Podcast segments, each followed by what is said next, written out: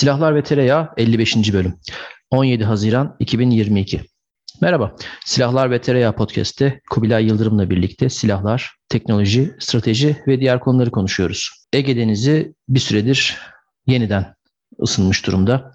Ee, Türkiye ile Yunanistan arasında e, geçen yıllarda 2020-21 arasında e, hem Ege Denizi'nde hem Doğu Akdeniz'de Navtex ilanıyla süre giden bir kriz vardı. Bir ara ciddi şekilde artan bir gerilim vardı.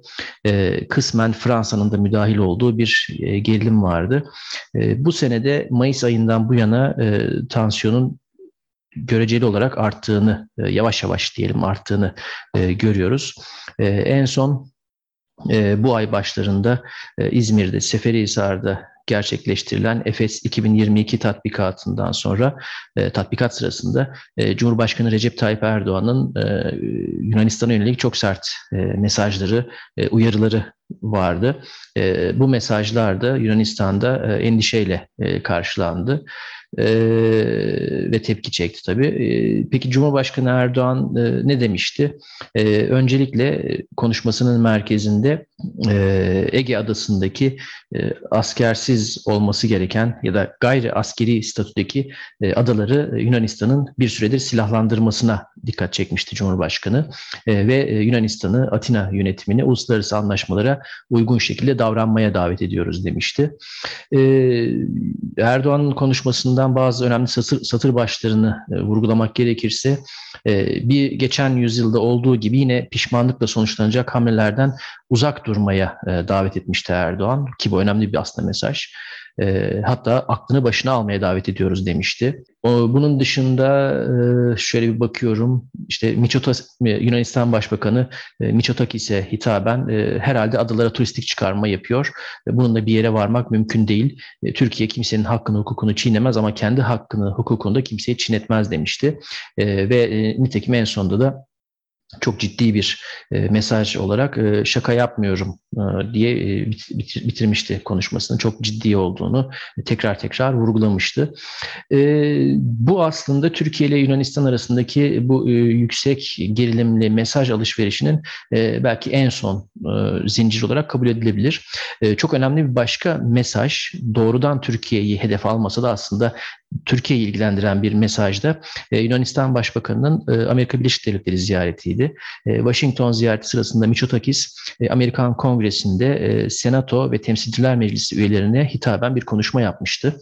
Konuşması sık sık üyelerin ayakta alkışlarıyla kesilmişti. Çok coşkulu bir şekilde karşılandı Mitsotakis ve o konuşmasında her ne kadar ismen Türkiye'yi zikretmese de Türkiye'ye yönelik yer yer tehditkar, yer yer e, üstten bakan bir üslupla e, mesajlar vermişti.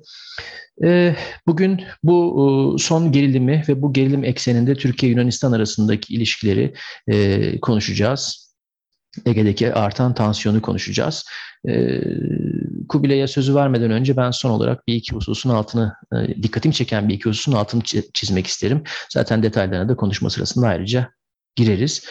E, Mitsotakis'in Yunan Başbakanı'nın Amerikan Kongresi'nde bu kadar coşkulu bir şekilde karşılanması aslında sembolik olarak önemli ve pek çok şeyi de anlatıyor. Bir süredir e, son birkaç yıldır Yunanistan ile Amerika Birleşik Devletleri arasındaki ilişkiler zaten e, güçlü olan ilişkiler daha da güçlenmiş, daha da derinleşmiş durumda.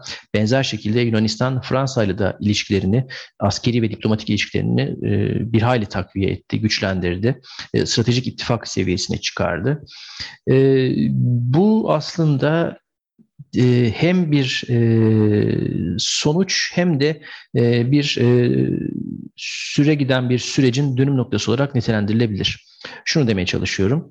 E, Türkiye'nin e, 2010'ların başlarından itibaren, 2009-2010 civarından itibaren e, bölgedeki diğer ülkelerle, başta İsrail ve Mısır olmak üzere diğer ülkelerle ilişkilerinde e, ciddi sıkıntılar, hatta krizler oldu. İşte Mavi Marmara olayı, One Minute olayı, 2013'te Mısır'da darbe sonucu Türkiye'nin Mısır'la diplomatik ilişkilerini kesmesi ve ciddi anlamda karşı karşıya gelmesi, sert bir şekilde karşı karşıya gelmesi.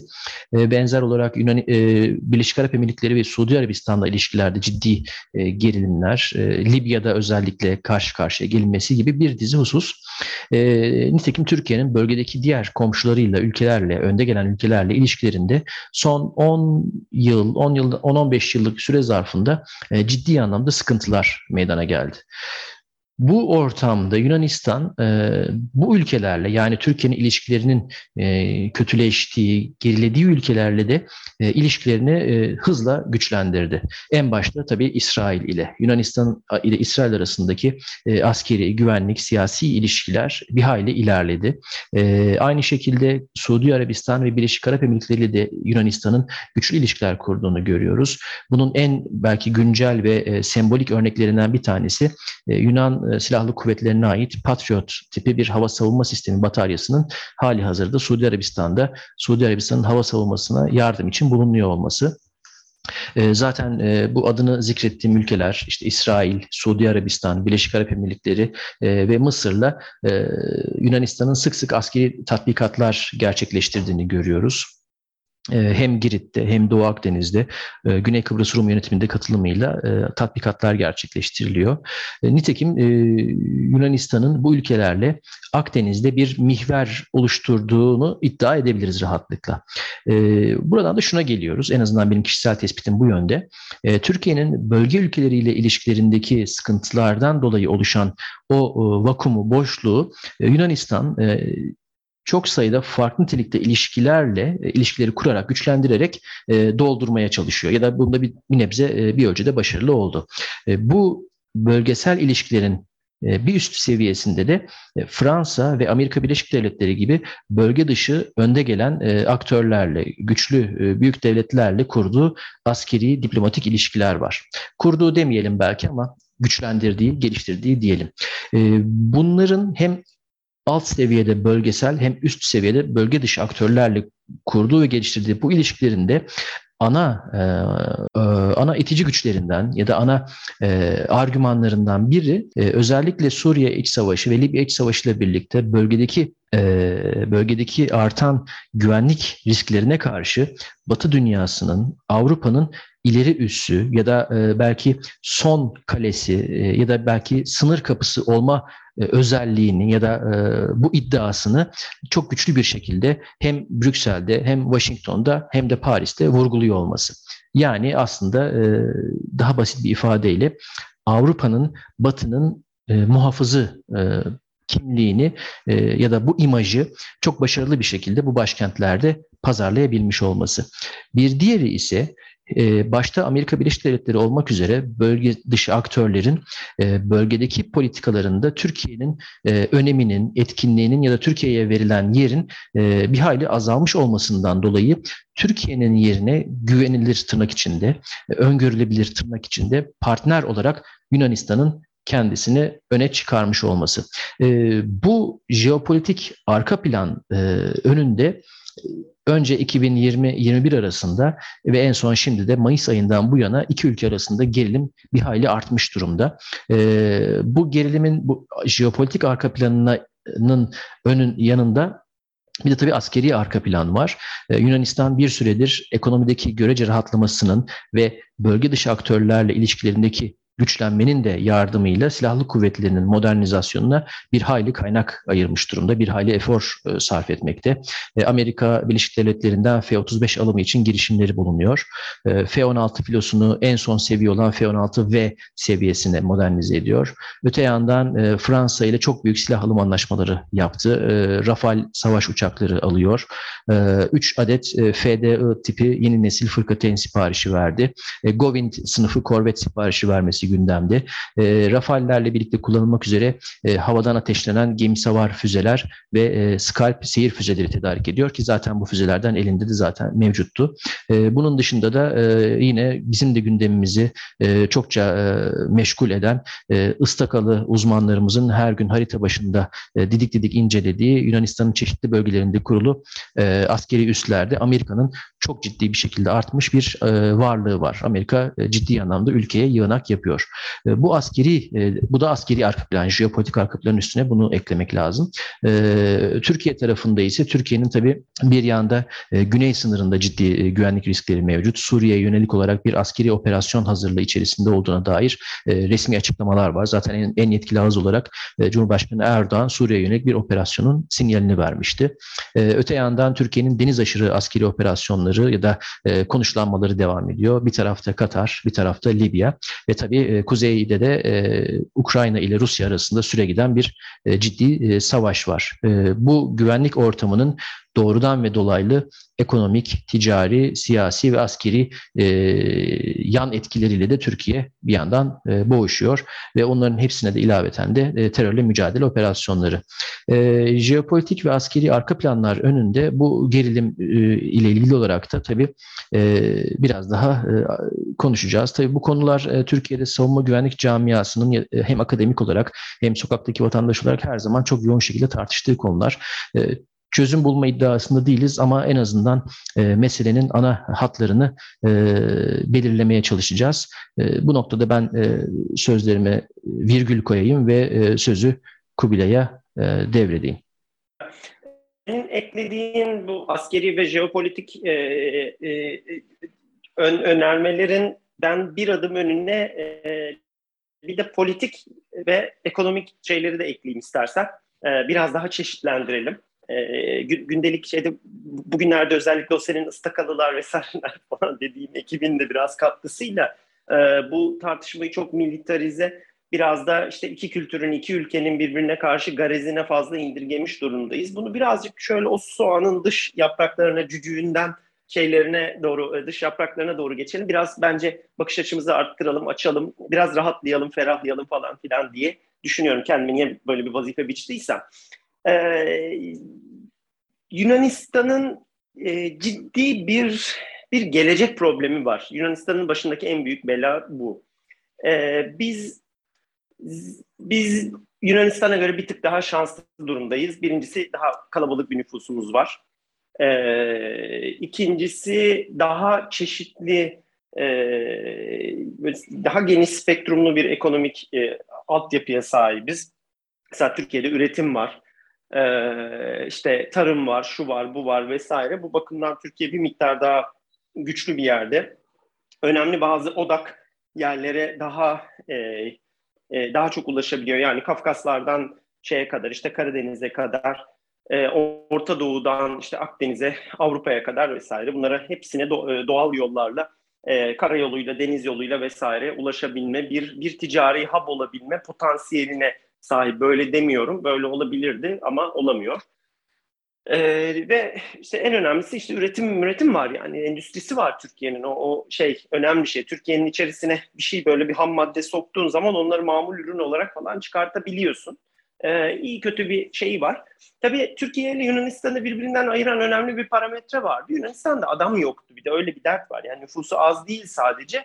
Ee, çok böyle kireçli tarla, taşlı tarla bir memleket olduğu için özellikle teknik tarafta falan işte matematik bilen ıvır zıvır gençlerinin daha entelektüel, başarılı gençlerinin kendisine bir gelecek görmediği ülkeydi. Yani sadece bir, bir ülkede insanların kendine gelecek, gençlerin bir gelecek görmemesi sadece işte Türkiye'nin şu anda olduğu gibi bir ekonomik buhranda olmasıyla falan olmuyor. Yunanistan'da hep öyleydi. 2000, bu şeydeki 2008 krizi sonra onların o 2012'deki e, patlamaları falan filan sonunda iyice beter bir hale geldi. Genç iş, işsizliği aldı yürüdü falan ama öncesinde de çok ciddi bir şey var. Bir e, beyin göçü ülkesiydi Yunanistan.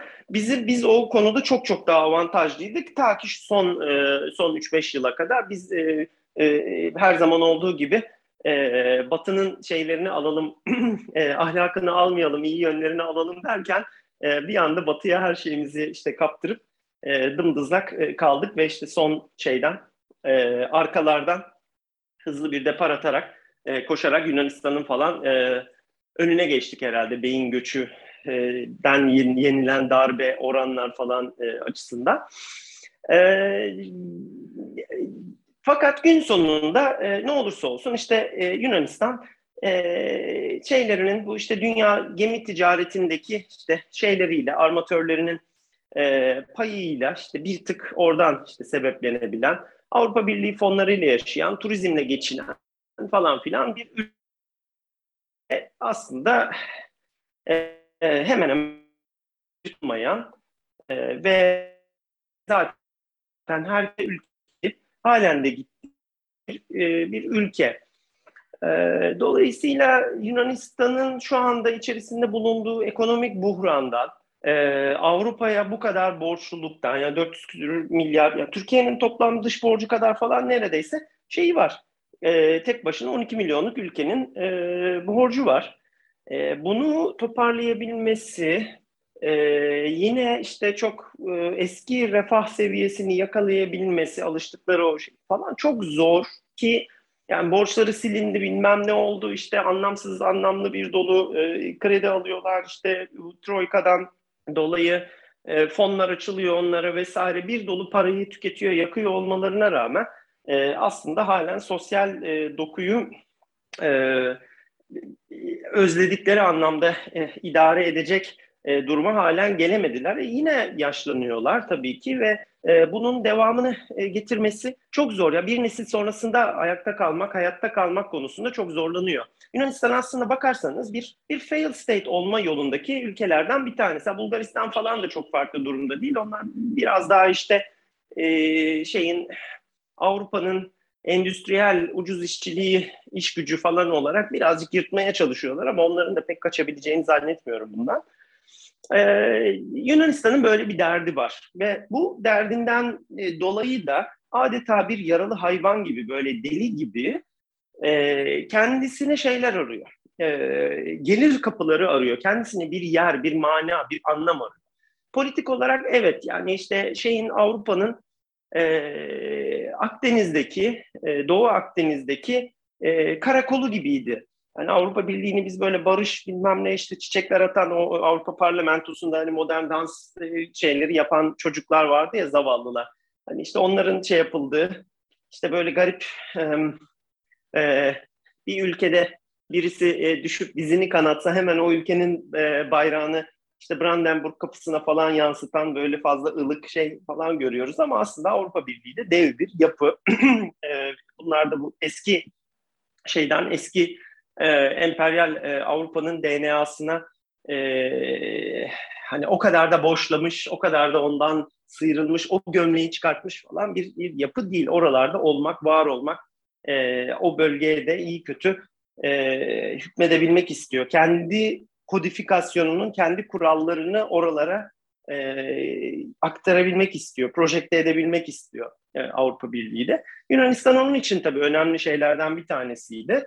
E, ve yutması kolay, idare etmesi işte en fazla, kendine en fazla şey yapabilecek ki bence yani Avrupa, bu, bu arada bunu da şey yapmayalım Avrupa Birliği'ni bu kadar dolandırabilmiş başka bir ülke yok bu arada. İtalya'nın İtalya'nın falan ölçekleri büyük ama İtalya'da şurada burada İtalya kendi kendini dolandırıyor.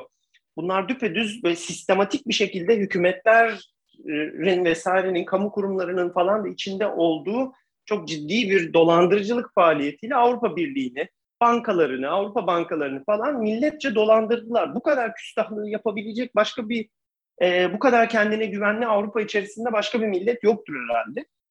E, yani Yunanistan'ın neler yapabileceğini işte şeyin Kriyakos'un e, şey Mitsotakis'in yani gidip işte şeyde e, Amerikan Kongresi'nde söylediklerini falan tartarken biraz bunu da şey yapmak lazım. Bu, bu böyle enteresan bir ego.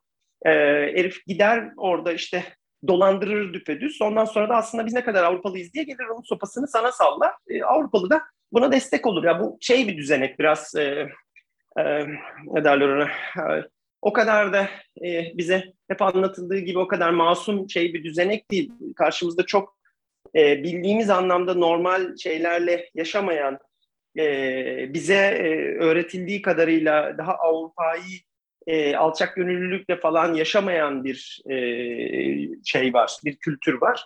Onun da arkasında başka başka işte daha tarihi hikayeler var. İşte dağılıyorum ben yine, e, şey kusura bakmayın ama ee, Yunanistan bir süredir bundan yırtmak için, bu garip durumdan yırtmak için kendisine bir şey arıyor, bir, bir çıkış yolu arıyor. Bunların içerisinde işte görece ticaret var, işte e, Pire Limanı'nı Çinlilere verdiler, gittiler apar topar paldır küldür işte Çinlilerle stratejik e, partnerlik anlaşması yaptılar. 2010'ların başındaydı yanlış hatırlamıyorsam e, ya da 2009-2010 mu tam hatırlamıyorum şeyi. Orayı bir nevi işte e, elleçleme limanı Avrupa'ya dağılacak olan şeyler için bir e, elleçleme limanı olarak vesaire kullanmak e, üzerine falan böyle işte bir takım planlar yapıldı.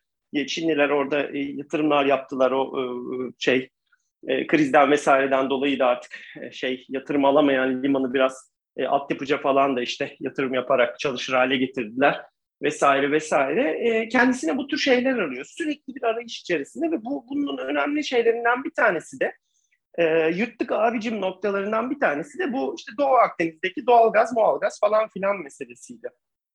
E, burada işte şey tamamen bir uzlaşmazlık, e, uzlaşmasızlık göstererek buradaki doğalgazın vesairenin üzerine yatıp oradan da işte kestiği parayla hem Avrupa için e, önemini tekrar e, şey yapacaktı. E, e, ne derler ona? E, güçlendirecekti. Kendi konumunu güçlendirecekti Avrupa Birliği içerisinde. Hem de aynı zamanda bundan işte kestiği paralarla vesaire. Hani Norveç'in küçük bir modeli mi denir işte belki daha az şeyiyle e, Avrupa Birliği'ni bundan sonra daha fazla kazıklamaya e, gerek kalmadan foyası meydana çıktıktan sonra yine zengin bir yaşam süreci bir gelir elde etme falan derdindeydi. Fakat yani şeyin eni boyu çapı belli işte oradan ne kadar gaz çıkacağı bilmem nesi bundan kazanılabilecek para bunun işte gerektirdiği yatırımı şusu busu vesairesi belli. Yunanistan'ın bu yatırımları yapacak parası yok. Yunanistan buradaki gazın hepsini istiyor. Buradaki doğal kaynakların hepsini istiyor ancak yapacak 400 milyar dolar gibi bir şey var çünkü. Ee, daha bile fazla yanlış hatırlamıyorsam şeyleri ben yanıltıyor olabilirim şu anda. Ee, şifaen konuşuyorum. Bunu falan işte ödeyecek vesaire kendi tekrar işte o e, sosyal e, devleti vesaire ayakta tutacak e, senelik şeyleri işte silahlanma masraflarını bilmem neleri çıkartacak bir gelir e, elde etme peşinde ve e, şey hevesindeydi. E, hatırlarsanız 2011-2012 gibi yine bu işte Doğu Akdeniz gazı vesairesi falan filan o konular şey yapılırken tartışılırken ya Türkiye'nin de Avrupa Birliği ile vesaire arası bu kadar bozuk değildi. Ve e, o zamanlar mesela bir kez daha anlam planı dönemi ile kapanan e, e, Kıbrıs barış müzakereleri diyeyim bir kez daha bir e, ayağa kaldırıldı vesaire. Hatta ben o zaman görece safi yani inanmıştım ya bu sefer işin ucunda şey var, gaz var bilmem ne var, bir, bir, bir komodite var, bir şey var, çıkar var. Dolayısıyla bu sefer herhalde olur diye düşünüyordum. Yani şeylerde, Rumlarda işte bir şeye varır, işte bir şey olur daha böyle yani bir, bir yol bulunur bununla ilgili bir, bir iki jest onlar gösterir, iki üç jest biz gösteririz falan filan öyle bir şey çıkar diye diyordum. Olmadı mesela. Rumlar bunu o zamanlar dinamitlediler. O kadar şey yani hayır hani Rumlar da daha beterdi. Yunanistan'dan daha da beter durumdalardı. Hiçbir doğal kaynağı hiçbir şey yok. Avrupa Birliği fonlarını falan tüketmek nereye dursun? Ee, şeylere e, pasaport satıp işte Rus e, milyonerlere e, Rum pasaportu satarak falan geçinmeye çalışan garip bir böyle uydu devlete saçma sapan bir şeye dönüştüler. Ee, oradan çıkmanın bir yolu ama yine de ben işte hiçbir şeyden e, feragat etmem, asla uzlaşmam. Çünkü ben benim. Yani bir tarafta işte yukarıda Avrupa Birliği'ni şimdiye kadar en böyle hülage ordusu gibi yağmalamış ve şey yapmış, e, kazıklamış ülkeyle e, hakikaten geçim kaynağı işte şey AB pasaportu satmak olan ve işte kara para e, şeylerinin işte İsrail'in, Rus'un bilmem kara parasının e, faizinin sadakasıyla falan yaşamaya alışmış olan bir devlet arasında kaldık biz burada. E, aslında buradaki bütün e, şey son günlerde yaşadığımız itiş kakışım falan temel altlıkları şeyleri burada. Burada tabii e, Avrupa Birliği'nin aklınca kendi başına işte bir özellik sürecinin içerisine girmesi, enerjide özellik, savunmada özellik. Onlar 2010'lu yıllarda böyle hayaller kurmaya başladılar. Türkiye'ye de bu kadar aslında şey yapılmasının sebebi hani bizim şeylerimiz ayrı olmakla birlikte bizim Türkiye'de geçirdiğimiz o metamorfoz ve anlamsız e, şey e, başkalaşım sürecini de bir kenara bırakıp ona göre normalize etsek dahi Avrupa Birliği'nin de bize karşı o bakımdan tavrı değişti. Benim sana ihtiyacım yoka e, getirmeye başladı. Daha doğrusu senin olmak istediğin gibi benim sana ihtiyacım yok e, denmeye başladı. Aslında ima edilmeye başladı Türkiye'ye. E, ve işte Yunanistan vesaire e, o işte uç beylikleri e, şeyin e, Avrupa Birliği makinesinin, fabrikasının işte e, şey hem enerji ihtiyaçlarının bir kısmını karşılayacak. Aynı zamanda geleceğin işte şeyleri olan görülen, e, daha gelişime açık olan olarak görülen daha Orta Doğu, Arap e, şey dünyası vesaire falan o tarafa da açılımını e, şey yapabilecek. E, e, tramplini e, olabilecek bir e, şeye doğru e, bir, bir bir yapıya doğru işte evrilir diye hayaller kuruluyordu. İşte bu bu sebeplerle de zaten hepimiz biliyorduk bu İsmet denen e, şeyin e, boru hattının olmayacağını, olamayacağını, İsrail gibi aslında görece akıllı bir ülkenin neden bu işin içerisine bu kadar girip bu kadar angaje olduğunu, ondan sonra Enerji Bakanı Müsteşarı'nın bundan bir iki sene önce ya inşallah Türkiye'ye karşı silah kullanmak zorunda kalmayız gibi aslında İsrail'in ağzından hemen hemen hiç çıkmayacak böyle garip şeyleri falan dahi söyleyebilecek hale geldiklerini, bu insanların, bu ülkelerin nasıl bu kadar gaza gelebildikleri bir ayrı bir şey konu. Ee, bu kısmen aslında Türkiye'nin halinden, durumundan bir tık bağımsız. Ee, şunu için bunu özellikle altını çiziyorum. Türkiye'de biz artık yani ben akademisyenlerde de aynı şeyi görüyorum. İşte e, konuşan, yazan insanlarda da aynı şeyi görüyorum. Gazeteci şudur budur ya da işte çeşitli şeylerle e, fikirlerine e, rastladığımız insanlarda da aynısını görüyorum. Hayır bu bu bu kadar içine kapanık anlayamayız bunu. Sadece Türkiye, sadece işte Tayyip Erdoğan'a bakarak şey yapamayız, yorumlayamayız bunu. Bunun bir de bizden bağımsız, bizden farklı, bizim dışımızda gelişen bir tarafı da var. Bunu da konuşmamız gerekiyor. Biz sürekli kendimizi konuşuyoruz. Kendimizi konuşmaktan, dizimizi dövmekten biraz şey e, artık şey körü olmuş durumdayız. E, biraz durum körü e, yakın körü olmuş durumdayız. Onu onu biraz e, şey yapmaya çalışıyorum, biraz tartışmaya açmaya çalışıyorum aslında e, bakarsan.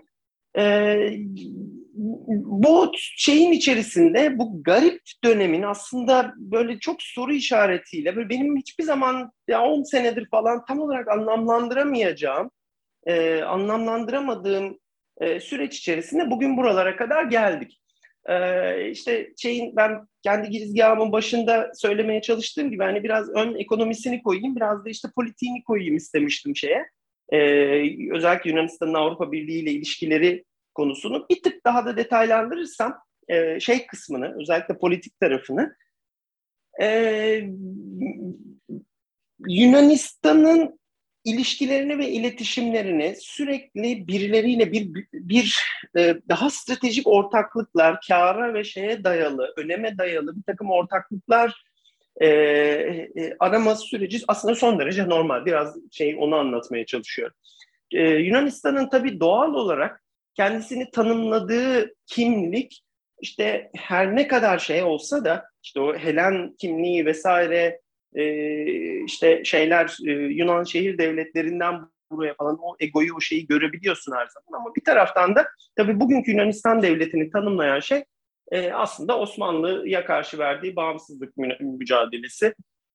Arkasında onu destekleyen e, büyük devletler, o zamanki büyük devletler ve başta İngiltere falan filan. Bu o şeyin Yunanistan'ın, bugünkü modern Yunanistan'ın DNA'sını oluşturan şeylerden bir tanesi ve bugün de işte az çok e, bunu kovalıyor e, Yunanistan. Önemli olmak, önemli olmanın en önemli şeylerinden bir tanesi e, kendisinden büyük ve zengin olan güçler için önemli olmak e, e, için e, tanım yapılabilecek tanımlardan bir tanesi işte doğudaki karakol olmak, işte Türklere karşı şey yapmak, e, Avrupa'nın o e, bilinç altındaki şeye oynamak. E, en önemlisi tabii e, şeyin bir Huni gibi yani Orta Doğu işte arka tarafta Orta Asya, e, İç Asya e, hinterlandından gelen göçen insanların alışkanlıkların bazı kötü şeylerin işte uyuşturucunun bilmem nenin bir tür Huni gibi e, e, e şeyi olan, u, ucu olan, e, coğrafi olarak o şekilde e, kalmış olan işte Türkiye'nin o, Huni'nin ucundaki tıpası e, olduğunu iddia etmek falan filan gibi işte bir takım şeyleri var, e, bir takım adetleri var Yunanistan'ın. Yunanistan bu şeyleri yapa gelmeye devam ediyor. E, şu anda da işte zaten e, içerisinde olduğu, satmaya çalıştığı şey o. Normalde aslında Mitsotakis'in Yunanistan'ın temsil ettiği değerlerin, Mitsotakis'in de Yunanistan'ın da temsil ettiği değerlerin de ondan sonra ekonomik öneminin de askeri öneminin de vesairenin de dünyadaki şu anda gelişen ve değişen şartların hani yeni bir dünya kuruluyor falan diyoruz ya o şey içerisinde temsil ettiği hiçbir şey aslında Amerikan Kongresi'nde ağırlanıp ayakta alkışlanmasını vesaireyi e, gerekli ve gerçekçi kılmıyor. Bu işte şu anda o hani woke'laşmış, daha işte saçmalamış e, Amerikan şeyinin, siyasetinin işte getirdiği şey yaptığı falan yer. Ha Amerikan siyaseti tarafından da Yunanistan'a bakarsak aslında işte son dönemlerde belki son 10 yıl içerisinde Amerika'nın oldukça başarılı bir manevrasıyla e, e, bizim çevremizdeki bölgede e, başardı. Bizim için önemli üç tane şey var herhalde. Aslında e, 90'lı yıllarda ve 2000'li yıllarda Avrupa'nın desteğiyle büyümüş, ayak, ayakta kalmış olan bir PKK'yı Avrupa'nın elinden şak diye 6 ay içerisinde alabilmiş olması ve hani işte Biji Obama e, dedirtecek hale getirmiş olması. E, bir diğeri aslında e, Avrupa Birliği üyesi olmuş, Avrupalılaşmış ve aynı zamanda da Avrupa Birliği ekonomik sisteminin ne çok ciddi şekilde sıkı şekilde akuple olmuş e, Polonya vesaire falan gibi Doğu Avrupa ülkelerine e, güvenlik şeyiyle e, gü- güvenlik ve Rusya tehlikesi ile o parametreyle aslında Merkez Avrupa'ya yani Fransa, Almanya'ya karşı e, örgütleyebilmiş ve adeta Doğu Avrupa'yı fikren ve kalben Avrupa'nın geri kalanından e, koparmış bir Amerika'dan bahsediyoruz. Bunun bir ikinci madde bu başardı.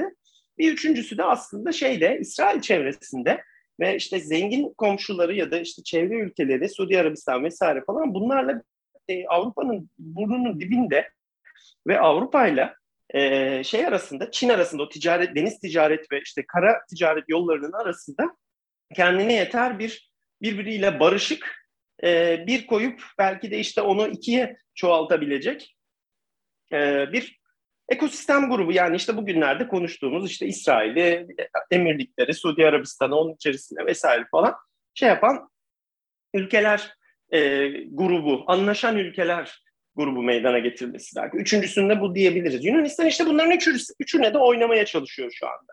Yani PKK tarafıyla yapabileceği fazla bir şey yok tabii ki ama e, onlar işte politik Avrupa Birliği içerisinde o Truva atı gibi falan davranıyorlar bazen işte şeyleri. E, o, o ayrı bir konu.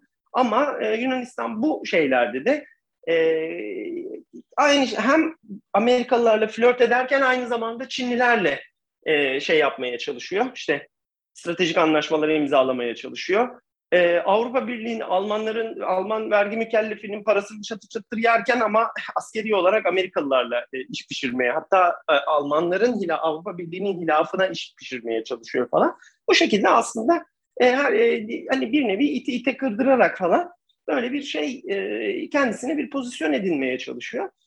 E, şu anda Doğu Avrupa Amerika'nın Doğu Avrupa'ya ulaşım ve orayı özelleştirme, Avrupa'nın geri kalanından ve Rusya'dan en önemlisi izole etme e, belki e, amaçlarına hizmet edecek şekilde de e, Amerikalıların aslında LNG terminali yani Balkanlara ve Doğu Avrupa'ya e, doğalgaz, Amerikan doğalgazını ya da başka e, şeyden gelen LNG e, şeyini, kaynaklarını basabileceği falan bir e, nasıl denir hani bir enerji hub'ı olma. Biz isteriz ya onu. E, Yunanistan'da o bizim şeyimize de göz dikmiş durumda. E, farklı alternatif bizden gelen hatlardan gelecek olan, Irak'tan belki gelecek olan petrolü gazı da alıp ben ölçümlendireyim, ben şey yapayım, LNG'yi de katayım, istediğim fiyata satayım falan gibi böyle bir şey. E, tıpkı hani e, gemi ticaretinde oynadığı göreceğini rol gibi bu şekilde bir önemli e, rol oynayayım e, istiyor. Bir taraftan onu e, Amerikalılarla şey yapıyor. Bu kadar ayakta alkışlanmaların bilmem nelerin falan filan aslında biraz altlığı, e, maddi altlığı e, biraz buralarda. E, onun dışında da işte e, ciddi bir şekilde yani Rumlarla bilmem nelerle falan bir araya gelip hani bu İsmet tarafında bu Doğu Akdeniz gazıyla vesaireyle ilgili hani pokerde olduğu gibi bütün kartlarını açtı falan ama o mesela olmadı. O İsrail'le falan yaptığı şeylerde belirli bir yerlerde aslında kaldılar.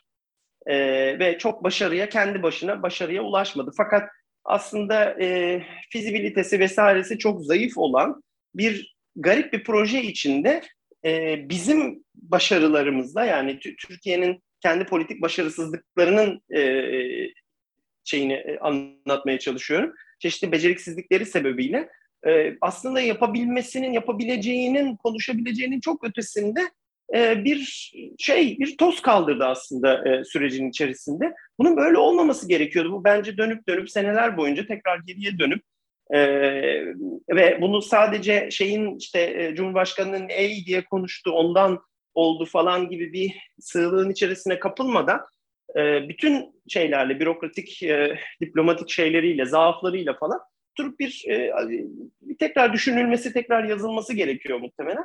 Ciddi bir böyle anlamsız bir e, şey süreci geçirdik o dönemin içerisinde. Şimdi e, bu ikincisi normalize oluyor gibi görünüyor. Yani bölge ülkeleriyle Türkiye'nin arasındaki ilişki, iletişim tarafı normalize oldukça e, o kanat da biraz daha sanıyorum şey de e, yine Yunanistan'ın ağırlığı da azalıyor. Fakat e, az önce söylediğim sebeplerle işte mesela Amerikalıların daha böyle forward positioning şeyleri işte belirli bölgelere e, mühimmat, işte askeri ekipman yığması, yarı şeyler işte belirli kuvvetleri, belirli ekipmanları yüklemesi vesairesi falan filan gibi şeyler için Yunanistan fena bir nokta değil kendilerince. O Balkanlar bölgesi çünkü eh, karışacak Karadeniz'e de görece yakın e, bölgelerden bir tanesi. E, Amerikalılar da şeylerden tabii işte Türkiye'nin gittiği bir yol var. Onların kendince bir yorumu var. Belirli şeyleri de riskli görünüyor. İşte bunu 1979'da İran'da yaşadılar. Bir anda her şey değişti e, akıllarınca öyle bir senaryoya karşı işte hazırlanıyorlar vesaire. Kuvvetlerini çekiyorlar, oraya konuşlanıyorlar vesaire falan filan. Ben eskiden beri onu böyle çok Türkiye'ye karşı işte Ege'den onlarla birlikte işte Yunanlarla birlikte hurra bize hücum edecekler falan böyle bir şey düşünmüyorum. E, ama tabii senin gidip onun üstünü, Yunanistan'ın üstünü imha etmen için bir şey, e, hedefleme zorluğu yaratan bir şey e, bir operasyonu, bir operasyon planlamasını çok karmaşık hale getiren bir şey. E, ama e, özel özel olarak şeyin e, Amerikalıların Doğu Avrupa ve e, Balkanlar üzerindeki e, sanıyorum uzun vadeli planları için Yunanistan'ın halen önemi e, devam ediyor. Şeyde Mitsotakis'te şu anda onun üzerine konuşlanıyor. E, bunun da yine işte çeşitli artık son dönemde senin biraz önce söylediğin gibi e, Mayıs ayından beri e, şey yapan el yükseltmelerin e, savaş tamtamlarının falan bunu nereye getirebileceğini de bir sonraki turda konuşalım istersen. Şimdi e, senin söylediklerinin e, üstüne ve içine şöyle eklemeler yapmak isterim. Bütün bu e, arka planda meseleyi e, ya da artık krizi diyelim daha da karmaşık hale getiren bir husus iki ülkenin de e, bir şekilde seçim sürecine girmiş olması. Hem Türkiye'de işte e, normal zamanda yapılırsa eğer 2023 Haziran ayında ee, Yunanistan'daki de galiba bu sene sonundaydı diye hatırlıyorum. Kasım gibi aklımda kalmış ama şu anda emin değilim. Notlarım önünde değil. Her iki ülkenin de e, bir seçim sürecinde olması. Bu göz önünde alınması gereken bir faktör. Hem Türkiye açısından hem e, Yunanistan açısından. E, bir diğer faktör bu krizi biraz da e, karamsar bir gözlükle takip etmeme neden olan bir diğer faktör de şu. Bunu nasıl izah edebilirim? E, kelimelerimi böyle seçerek ve çok yanlış anlamaya mahal vermeden kullanmaya çalışacağım. Şimdi e, Yunanistan aslında oldukça e, kutuplaşmış bir toplumsal yapıya sahip, siyasi e, e, bir e, sosyopolitik diyelim bir e, toplumsal yapıya sahip. İşte Anakara Yunanlıları ile Giritliler, işte mübadele ile gelenler arasında falan e, çok ciddi e, ayrımlar var ya da ciddi fay hatları var. Bir de e, Yunanistan'da e, sağ ve sol arasındaki ayrım da çok derin. E, ve bu bir kenara e, Yunanistan'da ciddi bir toplumsal muhalefet e, geleneği ve alış şeyi var. E, bir e, evet geleneği var. Biz bu geleneğin e, en somut örneğini 2008-2009 krizi zamanında gördük. Sokaklar bilhassa Atina'daki Sintagma Meydanı e, savaş alanına döndü. E, işte bankalar yakıldı, arabalar yakıldı vesaire. Ciddi anlamda bir e, ya, halk... Polis, polis takır takır adam vurdu. Tabii tabii yani Sintagma. ciddi anlamda halk ekonomik krize ve hükümete karşı isyan etti basbayağı düpedüz isyandı bu. E, benzer şekilde e, özellikle Yunanistan'daki sol sosyalist komünist çevrelerde Amerikan karşıtlığı hani bizim işte 68 60'lı 70'li yıllardaki öğrenci hareketlerini andırır şekilde çok güçlüdür ve yakın tarihte de bu e, güçlü bir şekilde e, süre giden bir e, gelenekti. Şimdi bir süredir, birkaç senedir Amerika'nın bölgede ülkedeki askeri varlığı ciddi anlamda ve süratle artıyor. Ee, işte Dede Ağaç'taki yığınak vesaire e, Amerika Yunanistan'da e, çok ciddi bir büyük bir askeri e, varlığa sahip oldu ve bu yığına Amerika'nın ülkedeki bu askeri varlığına karşı ciddi bir toplumsal muhalefet, gösteri, ciddi bir tepki gözlemlemiyoruz. E, ben bayağı bunu bunu bir ara e, şey yaptım, yani takip ettim ve e, hakikaten e, Yunanistan'da çok öyle daha önceki olaylarda, süreçlerde gözlemlemeye alışık olduğumuz tarzda, nitelikte, ağırlıkta bir tepki görmedik. E, bu önemli bir gösterge benim için. Bu önemli bir e, alarm işareti. E, bu şu anlama geliyor. E, Yunanistan'da en azından toplumun çok büyük bir çoğunluğunda Amerika ile ve muhtemelen tabii Fransa ile e, ve belki de muhtemelen işte İsrail ile diğer ülkeler ile bu kurulan e, stratejik ilişkilerin askeri e, askeri niteliği kuvvetli bu e, ilişkilerin çok ciddi bir e, taban tarafından kabul edildiği ve desteklendiği e, düşüncesine ben sahibim böyle bir desteğin toplumsal tabanda böyle bir desteğin neden olduğunu belki biraz incelememiz gerekir. Burada en önemli faktörlerden bir tanesi çok büyük ihtimalle Suriye ve Libya iç savaşlarının doğurduğu doğrudan ve dolaylı etkiler. İşte en başta tabii mülteci meselesi var. Ee, Türkiye'den olan bu e, mülteci e, geçişleri işte hem Ege Denizi'nde hem Doğu Akdeniz'deki bu mülteci geçişlerinin Yunan toplumunda belki e, yarattığı travma ya da rahatsızlık bunların engellenmesi için batıdan alınması gereken destek ki bu desteğin en somut halini biz Frontex olarak Ege Denizi'nde gördük. Yine en başta bahsettiğim işte Batı dünyasının uç beyliği, Serhat Beyliği olarak Yunanistan'ın kendisine biçtiği bu kimliğin belki toplumsal hafızada, kolektif hafızada tekrar canlanması, doğudan gelen istilacılara karşı Yunanistan'ın ulusal bütünlüğünü, bağımsızlığını, egemenliğini koruma düşüncesi gibi faktörlerden dolayı Yunan toplumunun çok büyük bir kısmının belki bu süreçte Amerika ile kurulan bu ilişkiye, Fransa ile kurulan bu ilişkiye ve bu silahlanmaya ve Türkiye'ye bakışa sirayet etmiş olabileceğini düşünüyorum. Ee, çok büyük ihtimalle en azından benim naçizane gözlemim bu düşünce yapısı Yunan Yunanistan'daki genç nüfusta çok daha yoğun, derin e, ve daha sert. Aslında belki biraz bizde de öyle. Yani bizim de genç nüfusumuzda Yunanistan'a karşı olan belki bakış çok daha sert, e, tepkisel, e, daha belki duygusal içerikli. E, doğal belki olabilir bu. E, son yıllardaki yaşanan gelişmelerden e, malum sebeplerden dolayı. Şunu anlatmaya çalışıyorum. Yunanistan'daki e, toplumsal yapının ya da Yunan e, nüfusunun büyük bir kısmının e, Türkiye'ye karşı eskisi kadar eskisinden daha farklı bir şekilde daha sert, daha tepkisel bir e, tavrı söz konusu olabilir. Bu şu açıdan önemli.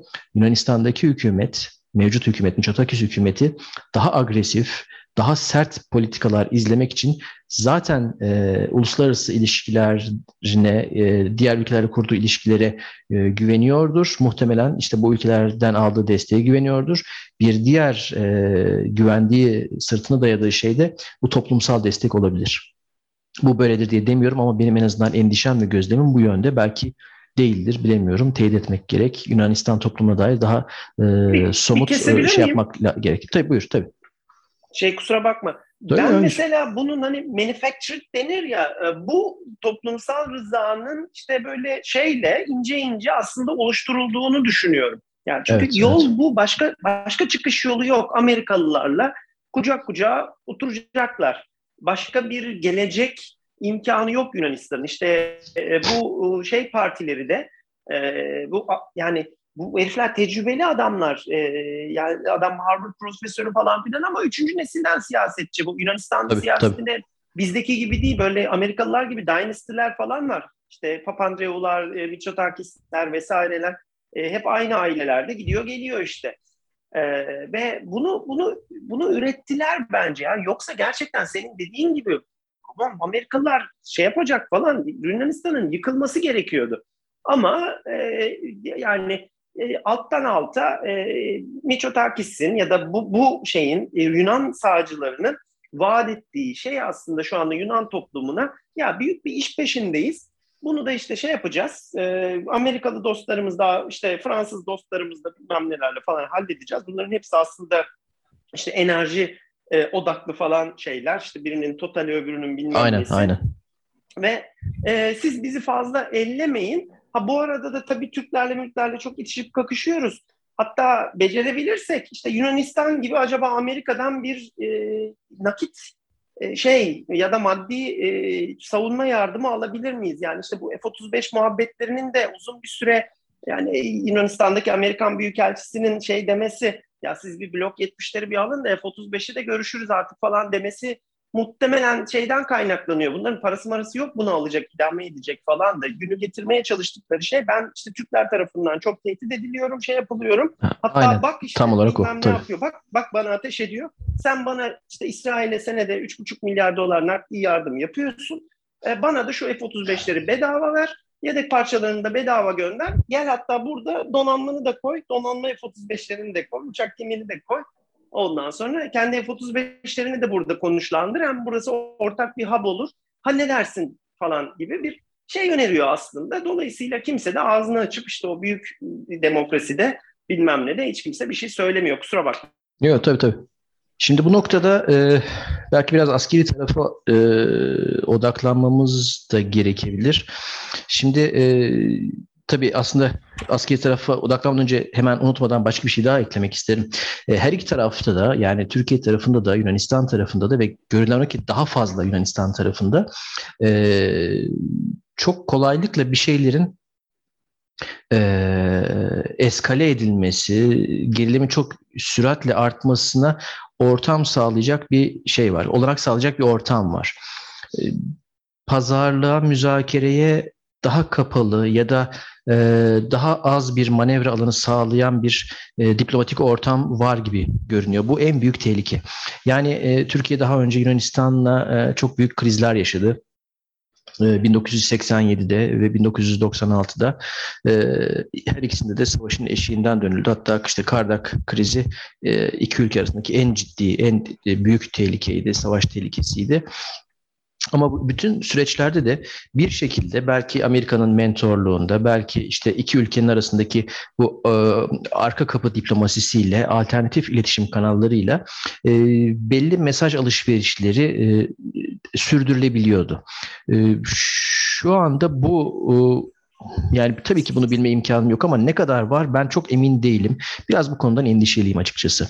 Çünkü diplomasi e, ya da perde önündeki, gözümüzün önündeki, basındaki dip, diplomatik mesaj alışverişleri, görüşmeler ve e, açık diplomasi e, belli bir yerde tıkanırsa eğer bu alternatif iletişim kanallarına çok büyük sorumluluk düşüyor. E, arka kapı arka kapı diplomasisine çok büyük sorumluluk düşüyor. E, bir krizin geçmişte çeşitli kereler örneğini gördük. Bir krizin ortaya çıkması ve e, çok hızlı bir şekilde çatışmaya dönüşmesi e, çok kolay olabiliyor.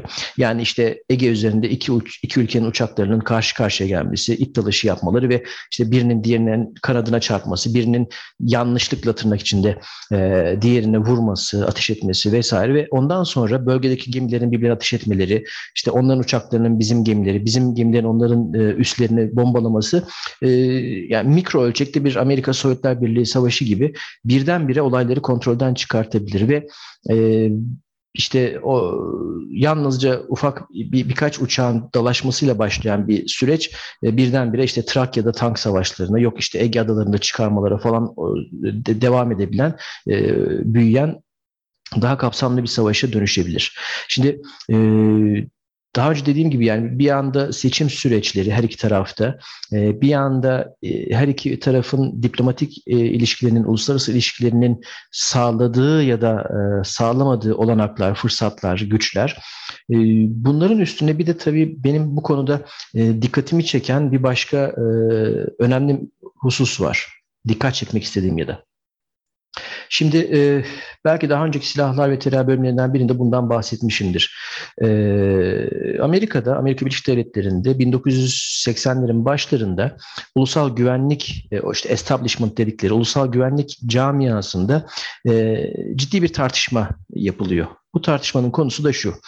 1979 e, yılında İran'da İslam devrimi olunca tabii e, yeni gelen rejim e, Amerika'ya e, son derece olumsuz bakıyor. Ülkede ciddi bir Amerikan aleyhtarlığı var ve Amerika İran üzerindeki tüm nüfuzunu ve bu nüfuz üzerinden de bölgedeki tüm askeri istihbari kapasitesini bir anda kaybediyor. Çünkü o zamana kadar Şah döneminde İran Amerika'nın en önemli müttefiklerinden birisi olmasından dolayı Sovyetler Birliği'ne yönelik istihbari operasyonlar, askeri operasyonlarda Amerika'nın müttefiki. Zaten Amerika, e, İran'da o dönemde Amerika'nın en önemli e, savunma sanayi müşterilerinden bir tanesi. E, bu bütün üsleri... Peki imkanları... herkes, tabii. Arda şeyin İran'ın çevresindeki herkes o zaman bir Sovyet şeyiydi, ha, müşterisiydi evet, aslında evet, hatırlarsan. Evet. Yani tabii, tabii, tabii. E, United Arab Republic falan var komşusu adamın düşünürsen. Ve garip bağızçılar, saçma sapan şeyler. Güney, kuzeyi, doğusu, batısı her tarafı e, dolayısıyla orada aslında İsrail'den bile daha önemli bir şeydi, ülkeydi Amerikalılar için. Ve bu bütün Sonra imkandan bir anda uçtu gitti. Tabii bir anda uçtu gitti. Bu bu gelişme üzerine Amerikan Ulusal Güvenlik e, camiasında diyelim Şöyle bir tartışma oluyor.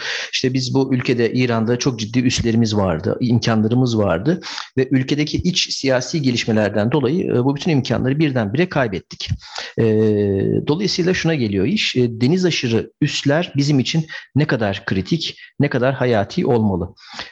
Deniz aşırı üslerin ev sahibi ülke ile Amerika arasındaki ilişkilerde e, ciddi krizlere, ciddi sorunlara yol açabileceği tespitinden hareketle e, Amerika'nın özellikle deniz aşırı operasyonlarda geçici, daha küçük ölçekli kara üsleri ile e, işte uzun menzilli nakliye uçakları, bombardıman uçakları, güdümlü füzeler, e, sea basing sistemleri yani işte e, denizden nakliye, denizde konuşlu işte ikmal ve ileri üsler gibi alternatif çözümlerin öne çıktığı bir tartışma süreci yaşanıyor. Amerikan askerlerinin ve Amerikan üslerinin ev sahibi ülkelerde yarattığı sosyal, toplumsal, siyasi gerilimlerin ikili ilişkilere zarar verebileceği ve bu bu ıı, gerilimlerden dolayı Amerika'nın o ev sahibi ülkelerdeki nüfuzunun tehlikeye girebileceği tespitinden hareketle büyük, çok büyük ölçekli mega üsler yerine geçici, işte konjonktürel, daha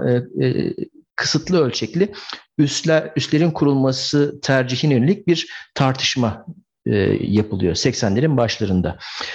Ben araştırdım. Çok fazla araştırdım, araştırdığımı söyleyemem ama kendi imkanlarımla araştırdım. Bu tartışmaların nasıl sonuçlandığına dair çok somut bir e, veriye ulaşamadım.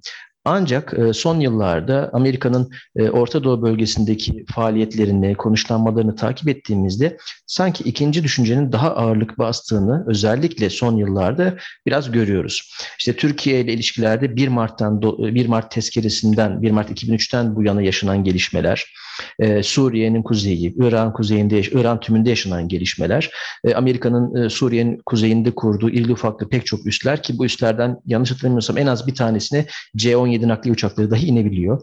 Ürdün'deki üssü genişletmesi, Doğu Akdeniz ve Karadeniz'deki istihbarat uçuşlarında e, Girit'i çok yoğun bir şekilde kullanması, İtalya'daki İtalya'nın güneyindeki e, Sigonella üssünü kullanması vesaire.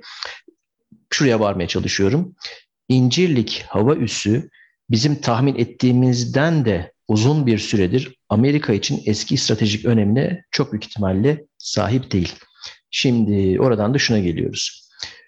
Girit'in Amerika için önemi Doğu Akdeniz ve Karadeniz'deki askeri faaliyetlerinde, istihbari faaliyetlerinde Girit merkezli olarak Yunanistan'la kurduğu ilişki bir yanda, öte yanda siyasi e, gerilimler, işte 1 Mart tezkeresi, e, Çuval hadisesi, 15 Temmuz, FETÖ, PYD, S-400, F-35 ne derseniz, Rahip Brunson, e, Bunların hepsinin e, yekünüyle birlikte Türk-Amerikan ilişkilerinin eski stratejik öz kütlesini kaybetmesine mukabil incirliğinde Amerika için eski önemini, eski ağırlığını kaybetmesi. Şimdi bu hiç şaşırtıcı bir sonuç olmaz. Zaten görüyoruz İncirlik Amerika için sadece bir ileri e, ileri bir ikmal üstünden başka bir şey değil. Zaten e, o dönemde yani Soğuk Savaş döneminde orada görev yapmış, oraları bilen eden e, konuştuğum insanların hepsinin ortak söylediği de şuydu. İncirliğin Amerika için esas işlevi e, özellikle Orta Doğu coğrafyasında ve senin az önce bahsettiğin Orta Doğu'nun Orta Doğu'daki Sovyet nüfuzunun güçlü olduğu dönemlerde bu bölgeye yönelik bir istihbarat üssüydü İncirlik taarruzi olarak yalnızca e, Irak harekatında ya da işte e, bu IŞİD'li operasyonda görece kısıtlı bir taarruzi işlevi oldu. Ama onun dışında İncirlik istihbarat uçuşları için ana merkezlerden bir tanesiydi. Şimdi şuraya varmaya çalışıyorum daha fazla dağıtmadan. E, Türk-Amerikan ilişkilerinin merkezinde her zaman savunma ve güvenlik ola geldi. O savunma ve güvenlik işbirliğinin en önemli gündem maddeleri, en önemli başlıklarından bir tanesi de her zaman incirlik ola geldi. Bizim hala devam ediyor mudur bilmiyorum ama benim endişem e, bizim incirlik merkezli olarak Türk-Amerikan ilişkilerine dair e, olası bir hesap hatamız. Buna mukabil karşı tarafta Yunanistan'ın ise elindeki imkanları fazla e, güvenerek belki bir başka hesap hatası yapması yapıyor olması. Yani Amerika'nın bana sınırsız desteği var ya da Amerika'nın çok güçlü desteği var sınırsız demeyelim. Amerika için şöyle önemliyim. Doğu Akdeniz ve Karadeniz'deki ana partner benim. E, silahlı kuvvetleri modernize ediyorum. Fransa'nın da desteği var. Avrupa Birliği'nin desteği var. Türkiye'nin zaten bunlarla ilişkisi çok kötü.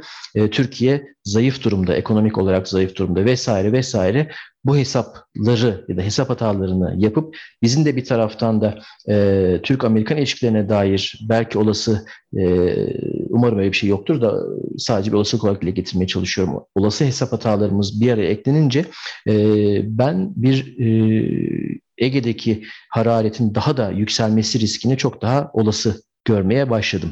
Yani şöyle söyleyerek bağlayayım daha fazla uzatmadan. Ee, her iki tarafında birbirleriyle ilişkilerine dair ve bölge dışı aktörlerle ilişkilerine dair hesap hataları içerisinde olabileceğini değerlendiriyorum. E, Türkiye'de benim konuştuğum, gördüğüm, gözlemlediğim pek çok çevrenin e, Türk-Amerikan ilişkilerinde plastik deformasyon yani geri dönülemez bir kırılmanın yaşanmış olduğunu kabul etmeme durumuna çok fazla rastlıyorum. Ee, özet olarak yani Türkiye, Amerika Türkiye'yi gözden çıkartamaz. Türkiye işte şu şu şu sebeplerden dolayı vazgeçilmezdir anlayışına ben hala çok fazla denk geliyorum. Ancak e, F-35 meselesinde görüldüğü üzere Amerika ile Türkiye arasında bir şeyler, bayağı bir şeyler e, dediğim gibi plastik deformasyona uğradı geri dönülemez bir şekilde ve bu arka plan üzerinde bizim e, hesaplarımızı yapıyor olmamız gerekiyor. Tekraren altını çizmek isterim. Ben bir gözlemci olarak burada belki eksik ya da yanlış bilgilerle de yorum yapıyor olabilirim. Ancak benim gördüğüm kadarıyla e, Ankara'da diyelim e, bu durumun vehametine ilişkin e, hala daha e, çok fazla güncel ya da çok fazla e, net görüş açısına e, sahip olunmama riskini ben yüksek görüyorum. Biraz karmaşık konuştuğum farkındayım ama tabii sözlerimi dikkatli seçmek seçmeye çalışıyorum yanlış anlaşılmamak için. E, dediğim gibi e, her iki tarafta da olması muhtemel muhtemel e, hesap hataları bir e, sıcak çatışma riskini bence e, bir hayli artırmış durumda. E, daha da fazla hani karıştırmadan ortalığı ben sözü sana bırakayım son sözler için ondan sonra da toparlayalım. Ben senin endişene katılıyorum. E, senin kurduğun şey, senaryoya başka bir taraftan yaklaşayım. O az önce vehamet kelimesini elime alarak. Yunanistan tarafından bakalım. E, her ne kadar işte esiyor, gürlüyor Yunanistan şu anda vesaire falan işte biz şöyle yaparız, böyle yaparız. O Twitter'daki falan gerzek Yunan şeyleri var. İşte Rafal aldık canınızı okuyacağız. iki tane meteor geldi şimdi şey yapacağız falan. Eh, yani tamam bir sürü modernizasyon projesi var. işte e, imzalar attılar bilmem ne oldu falan filan ama aslında gerçekte gelen hiçbir şey yok. Neredeyse bir birkaç tane e, Rafal geldi galiba. E, e, numunelik sanıyorum 3-4 tane de şey gelmiştir. E, Uçak sayısı 6 galiba. E, Rafal teslim edilen Hı. Rafal sayısı galiba 6 bu an itibariyle. Evet. Evet evet yani onlarla da ikişer tane en fazla e, meteor füzesi gelmiştir. Ondan sonra işte bir, birkaç tane galiba ilk bir ilk 3-4 tane modernize edilmiş e, Viper sanıyorum ya geldi ya gelmedi Yunanistan'a. E, onlar hala Amerika'da mı bilmiyorum şey pek takip edemiyorum bu aralar. Onun dışında eski Yunan Hava Kuvvetleri halen eski Yunan Hava Kuvvetleri e, perişan halde. E, işte harbi hazırlıkları yerlerde uçaklar perperişan yatıyor. Yeni hiçbir şey yok. Ondan sonra şeyde de e, donanma desen evet FDI fırkateynleri şudur budur ama hakikaten o süper vitalar falan dışında çalışır ne doğru dürüst bir e, fırkateyn var ne doğru dürüst modern bir e, platform var. Şeyleri yok. E, aslında donanmaları neredeyse yok seviyesinde şu anda. Peki bu, bu neyle oluyor bu kadar esme gürleme falan? Bunlar gaza mı geldiler? E, belki kısmen öyledi. Çok konuşan insanlar için öyle olabilir ama ben de şunu görüyorum.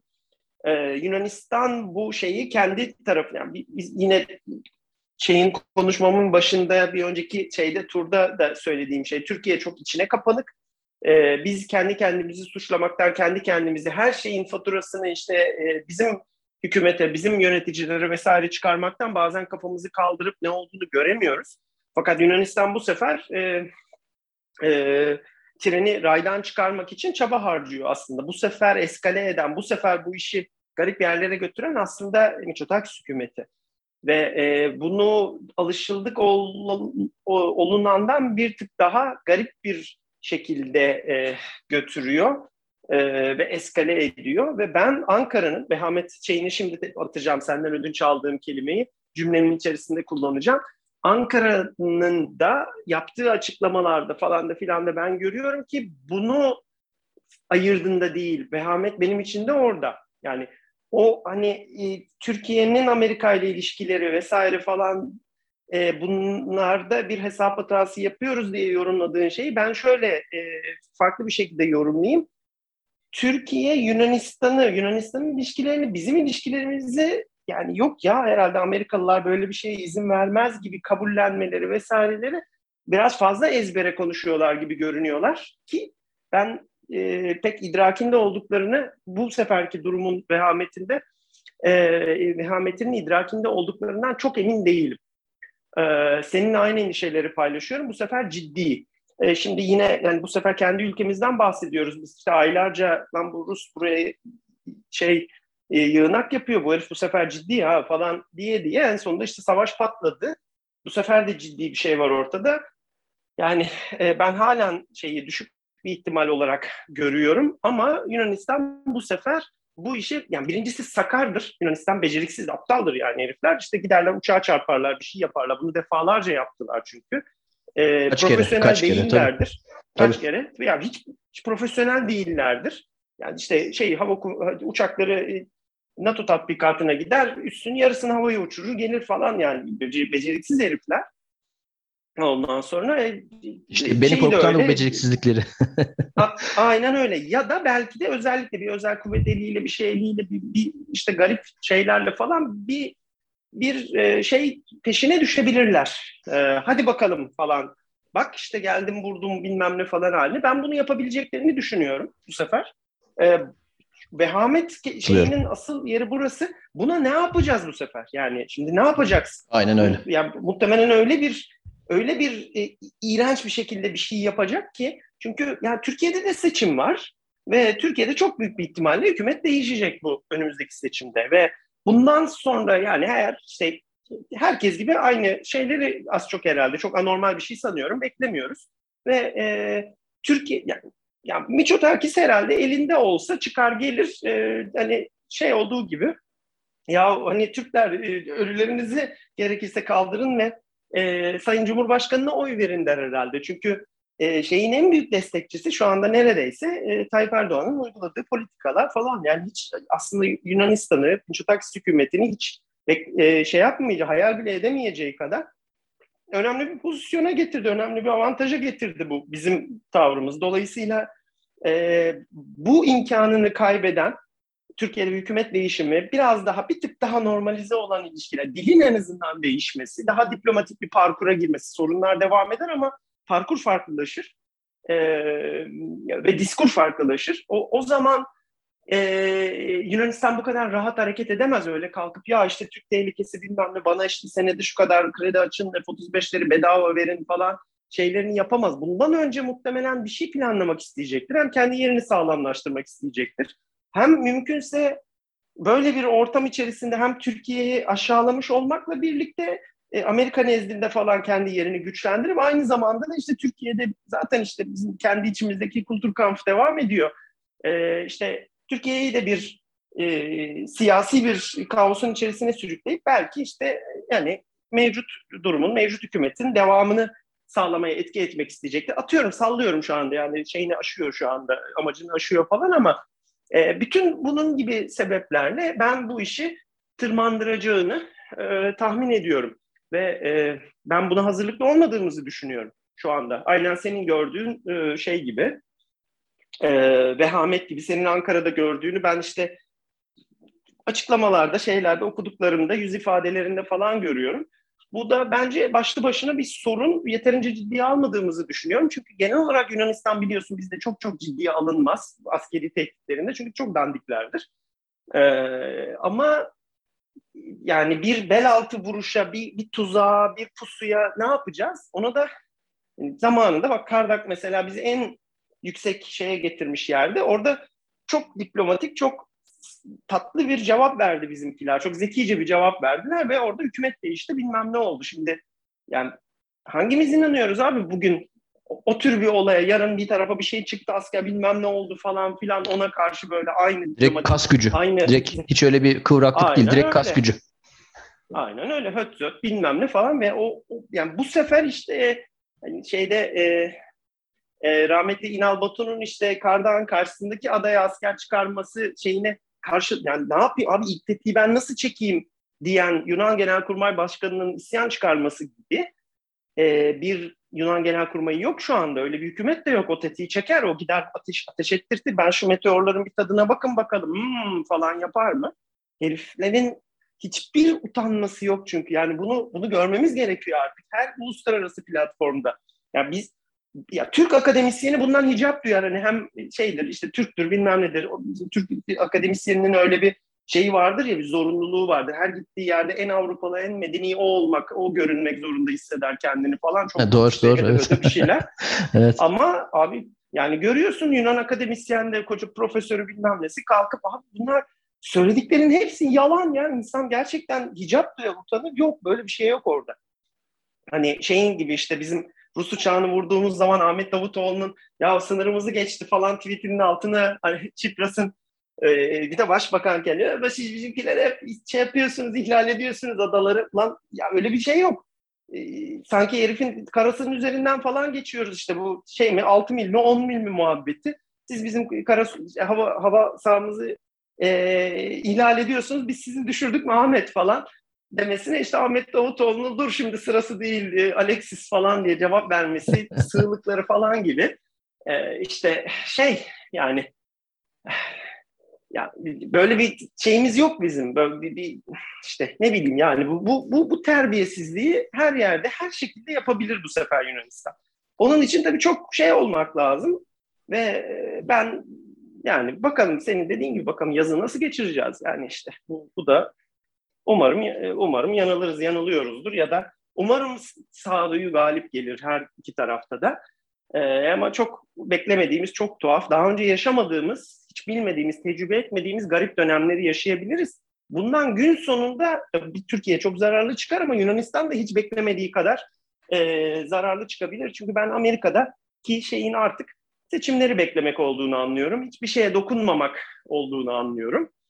Ee, hiçbir şeyde de yani işte Türkiye'nin İsveç'le olan işte bu NATO e, muhabbetinde bilmem ne de falan da denge değiştirici bir rol oynamak istemediği anlaşılıyor şey. Belki de Madrid'de sopa çıkaracak bilmiyorum ne olacağını. Ama e, genel olarak e, şeyler işte başta Washington olmak üzere belki İsrail vesaire falan filan da herkes şeyi bekliyor aslında işte Türkiye'deki ilk genel seçimleri bekliyor. Ee, ve bun, her ne yapacaksam bundan önce yapmalıyım diyebilecek olan herhalde iki ülke vardır. Bunlardan bir tanesi İran'dır ama en başta da herhalde Yunanistan gelir. Bakalım ne olacak hakkımızda hayırlısı. Senin e, sözlerin yani konuşurken sen aklıma şu şey geldi. E, yani namertten daha çok korkmak gerekir. Çünkü adı üstünde namert olduğu için her şeyi yapabilir. Her şeyi bekleyebilir. Hani mert e, hasımdan, mert rakipten, rakibin merdinden e, çok fazla hani o anlamda korkmamak gerekir. Çünkü oyunu kurallarına göre belki oynar. E, düşmanınsa bile mertçe mücadele edeceği için ne yapacağını bilirsin, ne yapmayacağını bilirsin daha doğrusu. E, ama namert her şeyi her şekilde yapabilir. E, umarım ki e, böyle bir namertliğe Yunanistan tarafı e, başvurmaz. Böyle bir şeye tevessülleri umarım yoktur. Aksi takdirde dediğin gibi biz zaten ciddi zarar görürüz. Rusya-Ukrayna savaşı bilhassa askeri olarak e, bu konuda çok çok çok önemli derslerle dolu şimdiden bile daha sonuçlanmamış olmasına rağmen e, bu dersler ışığında biz çok ciddi zarar görürüz. Yunanistan da e, çok ciddi zarar görür. E, kazananı olmaz bu savaşın. E, kaybeden ne, kaybedenlerin hangi ölçüde ne oranda kaybedecekleri de tabii e, ayrı bir tartışma konusu. E, ancak işte e, beni endişelendiren tekrar yani en son olarak onu vurgulayarak bitireyim. Beni endişe, endişelendiren konu e, bilhassa diplomatik seviyede her iki tarafın o serin kanlı diyalog ve diplomatik kıvraklık kabiliyetlerini ne kadar e, korumuş olduklarından, ne kadar buna sahip olduklarından emin olamıyorum. Bu beni korkutuyor. Kas gücü ise kas gücü. E, Türkiye Türk ordusu tabii ki çıkarlarını, toprağını, egemenliğini, e, ulusal e, çıkarlarını koruyacak kabiliyettedir. E, kayıplara uğrasa bile bu kayıp, bu şeyi korur. E, kendisine verilen görevi yapar. Bunda bir soru işareti yok. E, ancak e, ne pahasına ve nasıl e, ve ne bedeller karşılığında o ayrı mesele. E, yani askeri kapasiteden yana bir endişemiz şeyimiz yok ama eğer iş o tarafa girerse e, öyle hani 48 saat 72 saatlik falan böyle bir ufak e, iddialaşları bir işte vurkaçlar karşılıklı bir şeylerde falan sınırlı kalmayıp çok daha öngörülemez bir zincirleme reaksiyona dönüşebilir. Beni endişelendiren şey bu. Son olarak hani şu daha önceden de bunu sosyal medyada yazdığım için tekrarlayabilirim ben 2020-2021 arasındaki süreçte e, Türkiye ile Yunanistan arasında bu dönemde bir savaş çıkmadıysa bir daha kolay kolay çıkmaz e, diyordum. E, ancak eskisi kadar artık e, emin değilim. O kadar e, net konuşamıyorum. E, o dönemde 2020 olması lazım. Ben bir e, analiz raporu hazırlamıştım. E, bir simülasyon yapmıştım. Çeşitli senaryoları öngören. İşte tam e, full e, savaş, e, topyekün savaş, kısıtlı ölçekli çatışma, e, çatışma dışı, askeri çatışma dışı karşı karşıya gelmelerin olduğu çeşitli senaryolar üzerinde çalışmıştım ve e, topyekün savaş olasılığı en düşük olan çıkmıştı. Şimdi aynı parametrelerle yeniden o senaryoyu e, çalıştırdığımda e, sonuçlar çok parlak değil. Dediğim gibi umarım e, yanılırım. Umarım hesap hatası yapan sadece ben oluyorumdur ama e, hakikaten zor bir sürece giriyoruz. Bu konuyu tabii takip etmeye, konuşmaya, tartışmaya devam edeceğiz. Ancak bu bölümlük bu kadar diyelim. Sonraki bölümlerde görüşmek üzere.